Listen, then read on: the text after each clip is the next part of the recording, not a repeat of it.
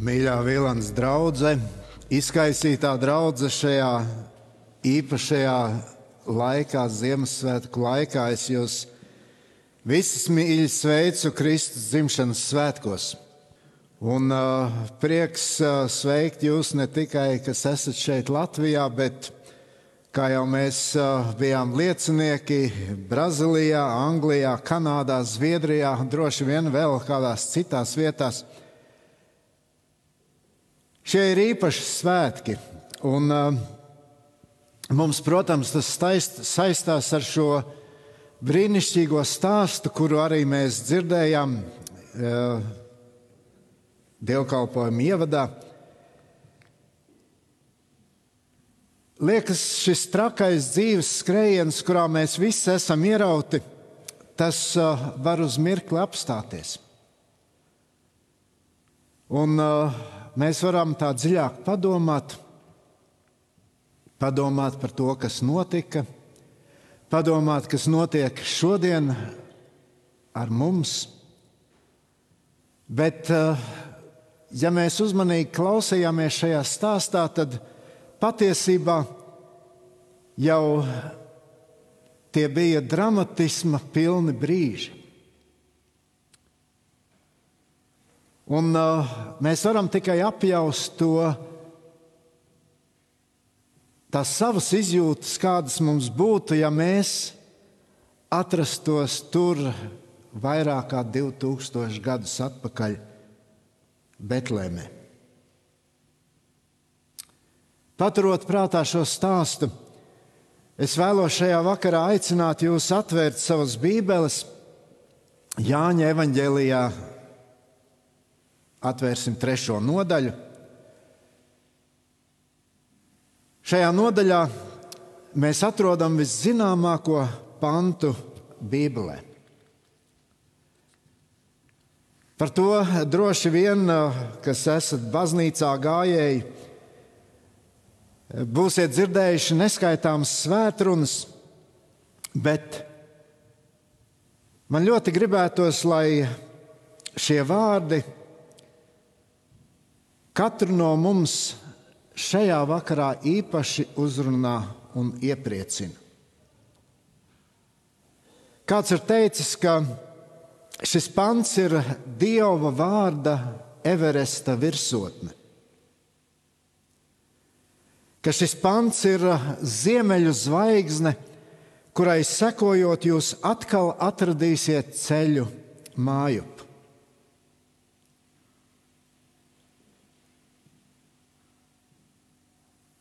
Kā cits cilvēks saka, neviens no pasaules literatūras darbiem nevar sacensties ar dārgumiem, kas atrodami šajos 22 vārdos.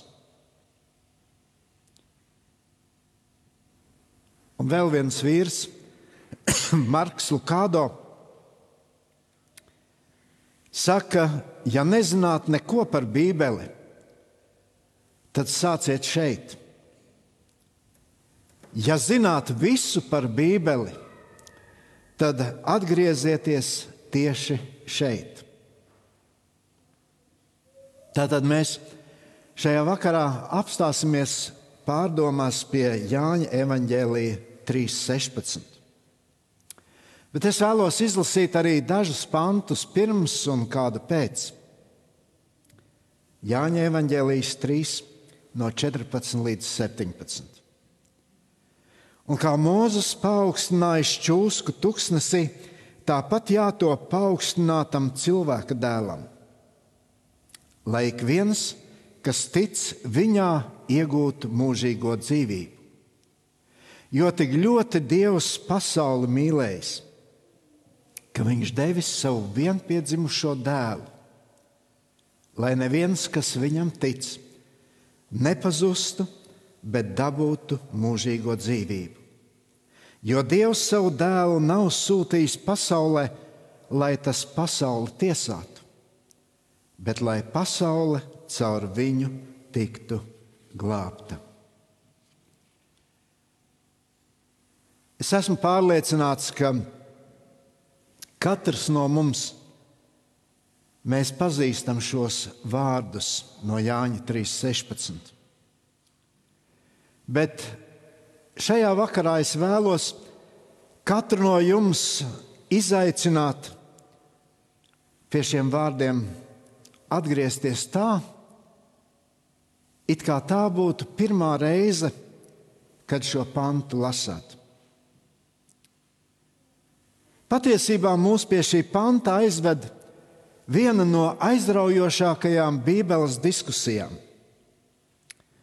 Tā ir saruna starp Jēzu un vīru vārdā Nikodēms. Šīs pašas nodaļas pirmajā, pirmajā pantā mēs uzzinām, ka Nikodēms bija farizējs. Viņš tiek dēvēts arī par jūdu valdības vīru. Šīs sarunas laikā Jēzus viņu nosauc par Izraēlu mācītāju. Tas norāda, ka Jēzus novērtēja šī cilvēka zināšanas, un uh, visi šie tituli, kas tur tiek pieminēti, tas rāda to, ka viņš bija cilvēks, kuram uh, droši vien daudzi nespēja līdzināties. Viņa zināšanās. Bet interesanti, ka šis cilvēks izvēlas nākt pie Jēzus naktī, cerot, ka nu neviens jau neredzēs. Viņš dodas pie Jēzus. Šo abu vīru starpā notiek saruna, kuras laikā Jēzus saka: Patiesi, patiesi, es tev saku, ja cilvēks nepiedzimst no augšienes, neredzēt tam dieva valstības. Citiem vārdiem sakot, Nikodēm, tu ļoti daudz zini. Tev ir milzīga pieredze, ko tu esi ieguvis, mācoties, dzīvojot šo dzīvi. Tavas rokas noteikti ir darījuši, darījušas daudz labus darbus. Bet klausies, Es gribu tev teikt, tas viss ir labi, bet, ja tu ceri ar šīm lietām nonākt Dieva valstībā, tev nekas nesanāks. Nikodēmam noteikti tie bija šokējoši vārdi. Un ja šie vārdi, ko Kristus teica Nikodēmam, ir patiesi viņa dzīvē, tad noteikti tie ir patiesi arī tavā un manā dzīvē. Ja tas attiecas uz viņu, ka visas šīs lietas, ko mēs dzīvē varam iegūt, zināšanas, pieredze, labie darbi, ja tas nenodrošina viņa būšanu Dieva valstībā, tad tas attiecas arī uz katru vienu no mums šodien. Un tad mēs nonākam pie 16. panta. Un šis pants iesākas ar šo mazo vārdiņu, jo tas ir vārds, kas ar kaut ko sasaista. Tas ir vārds, kas kaut ko izskaidro. Un šis mazais vārdiņš liek mums atgriezties pie 15. panta un tajā izteiktā apgalvojuma. Un tur ir teikts, lai ik viens, kas tic, viņā iegūtu mūžīgo dzīvību. Ko tas nozīmē? Kā tas notiek? Jo tik ļoti Dievs pasauli mīlējis. Tas ir iespējams tikai tāpēc, ka Dievs mīl pasauli. Un patiesībā šajā brīdī mums visiem vajadzētu smaidīt, un būt pateicīgiem, novērtēt. Patiesībā šiem vārdiem, ka Dievs mīl pasauli, tam vajadzētu mūs visus pārsteigt. Pats Dievs, kurš nos, nosaka zvaigznēm to skaitu un sauc visas tās vārdā. Un zinātnieki saka, ka mūsu galaktikā varētu būt miljardiem zvaigžņu. Cik liels ir Dievs? Un par šo Dievu ir teikts, ka Viņš tik ļoti mīl šo pasauli. Un tad varbūt mūsos iezogas šis jautājums, vai šādam Dievam, kurš nodarbojas ar tik lielām lietām, vai tādam Dievam rūpu arī es? Vai šis Dievs ir ieinteresēts atrisināt arī manas problēmas? Vai galu galā šis Dievs ir ieinteresēts atrisināt cilvēka atšķirības problēmu no Dieva?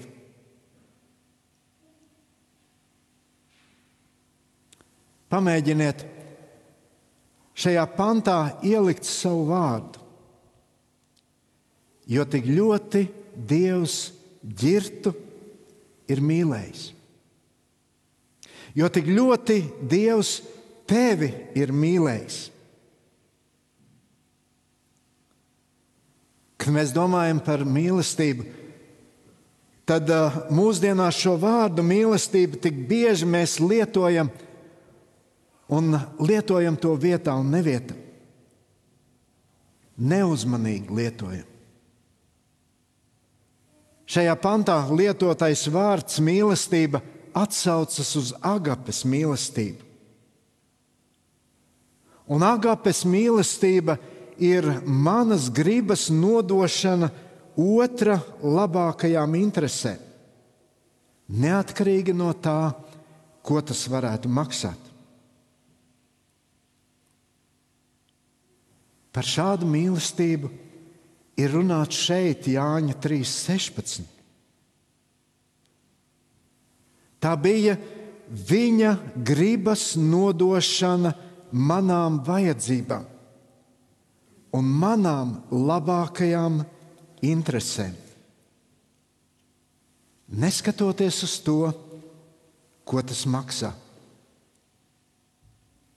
Un, ziniet, Dievam tas maksāja ļoti daudz. Jo man un tev šīs vajadzības ir milzīgas. Mēs kā cilvēki sasto, saskaramies ar grēku un nepaklausību Dievam. Un tā ir milzīga mūsu problēma. Paklausieties, ko saka Marka evanģēlijas 7. nodaļa, no 21. līdz 23. pantam. Mēs lasām, jo no iekšienes, no cilvēka sirds iziet ļaunas domas, nešķīstība, zādzība, slepkavība, laulības pārkāpšana, mantkārība, blēdība, viltība, ienaidība, skaudība dieva zaimošana, lepnība, vieglprātība. Viss tāds ļaunums iziet no iekšienes un apgāna cilvēku. Mēs teiktu, nu kas par sarakstu? Bet, kad mēs par visu to domājam, mēs saprotam, tas mūs padara dievam nepieņemamus. Un Jēzus šeit sakot šos vārdus, viņš nedod kādu ieteikumu, nu, nedari šīs lietas. Viņš ir pateikt, grēks nav saistīts tikai ar to, ko mēs darām.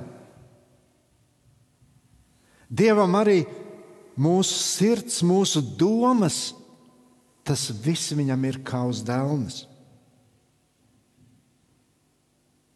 Mateja Vāģelijā Jēzus saka, 5. nodaļā, jūs esat dzirdējuši, ka vecajiem ir sacīts, tev nebūs nokaut, un kas nokauj, tas sodāms tiesā. Bet es jums saku, kas uz savu brāli dusmo, tas sodāms tiesā. Bet kas saka uz savu brāli ģeķis, tas sodāms augstā tiesā. Bet kas saka bezdievis, tas sodāms elles ugunī. Redziet, tā problēma ir, ka man skar ne tikai tas, ko es daru vai nedaru, bet mani skar visas manas domas. Un tas, kas notiek ar mums cilvēkiem, Dievam nav pieņemams. Romiešu vēstulē 5. nodaļā ir teikts, pirmkārt, mēs esam grēcinieki. Tad tālāk mēs tur lasām, ka mēs esam Dieva ienaidnieki. Un vēl mēs lasām, ka mēs kā cilvēki paši esam bezpalīdzīgi. Mēs paši nevaram izdarīt pilnīgi neko, lai izkļūtu no šī stāvokļa. Un tā ir problēma. Tā bija problēma Nikodēmam, kuram Jēzus sacīja, ar to, kas tev ir, tev nav cerības. Tā ir problēma mums, jo cilvēciski nav cerības. Jo tik ļoti Dievs mīlēja ģirtu un tevi ka viņš deva savu vienpiedzimušo dēlu. Jūs sadzirdējāt? Pats Dievs nāk pie manis un tevis. Dievs kļūst par cilvēku.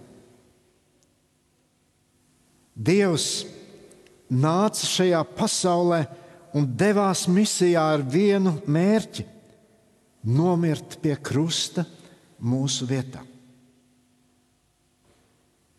uzņemties mūsu sodu. Sodu, ko mēs esam nopelnījuši. Bet Dievs atnāk pasaulē, tumšākajā laikā, sūtot pasaulē savu dēlu. Vēstulē, pirmajā, otrajā vēstulē korintiešiem mēs lasām to, kas grēka nepazina Jēzu. Viņš, Dievs, mūsu labā ir darījis par grēku, lai mēs viņā kļūtu Dieva taisnība. Manī bija grēks, bet Dievs paņēma manu grēku un uzlika to uz Jēzu. Arī tevī bija grēks, bet Dievs to paņem un uzliek uz Jēzu. Jēzus nomira par mūsu grēkiem, tomēr ar to tas nebeidzas. Viņš augšām cēlās no nāves.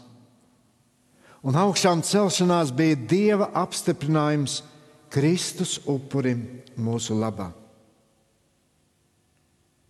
Jo tik ļoti Dievs mūs ir mīlējis, ka deva savu vienpiedzimušo dēlu, lai ik viens, kas viņam tic, ieklausīties. Ik viens, ik viens kas viņam tic, Vai tas nav apliecinājums, ka Dievs vēlas attiecības ar tevi un mani? Ik viens iedaras šajā, ik viens. Un Bībelē mēs lasām vārdus, ko saka Jēzus, kas nāk pie manis, es to patiešām neatstumšu. Ik viens ir laipni lūgts.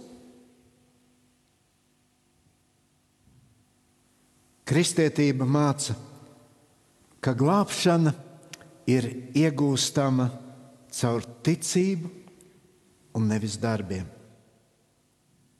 Un Jēzus saka, ka Viņš ir ceļš, patiesība un dzīvība. Neviens nenāk pie tēva kā vien caur mani. Jo tik ļoti Dievs pasauli, tevi un mani ir mīlējis, ka Viņš deva savu vienpiedzimušo dēlu, lai neviens, kas viņam tic, nepazustu, bet dabūtu mūžīgo dzīvību. Ja tu pazīsti Jēzu, ja tu pazīsti viņu kā savu glābēju, tad lai šie Ziemassvētki atjauno tavu prieku par tavu glābēju. Bet, ja tev šie Ziemassvētki ir tikai tāds jauks stāsts vai vēsturisks notikums, tad lai šie Ziemassvētki kļūst par dienu, kad tu pieņem Dieva dāvāto glābšanu. Nebeidz no Dieva. Dievs atnāk pie tevis. Un es katram no jums gribu vēlēt, lai Dievs, kurš atnāk uz šo pasauli, katru no jums ved uz mājām. Jo tik ļoti Dievs pasauli mīlējis, mīlējis ikvienu no jums, ka Viņš devis savu vienpiedzimušo dēlu, lai neviens tai skaitā arī tu un es kas viņam tic, nepazustu, bet dabūtu mūžīgo dzīvību. Lūksim Dievu! Devis Tēvs, Tu atnāci mūsu dēļ uz šīs pasaules, jo Tu esi mīlestība. Un šodien, kad mēs domājam par Kristus piedzimšanu, tad eh, mēs esam šīs mīlestības liecinieki. Un tāpēc mūsu lūkšana ir palīdz mums ar pateicību šo mīlestības dāvanu arī pieņemt un nevis atraidīt. Dod, lai šis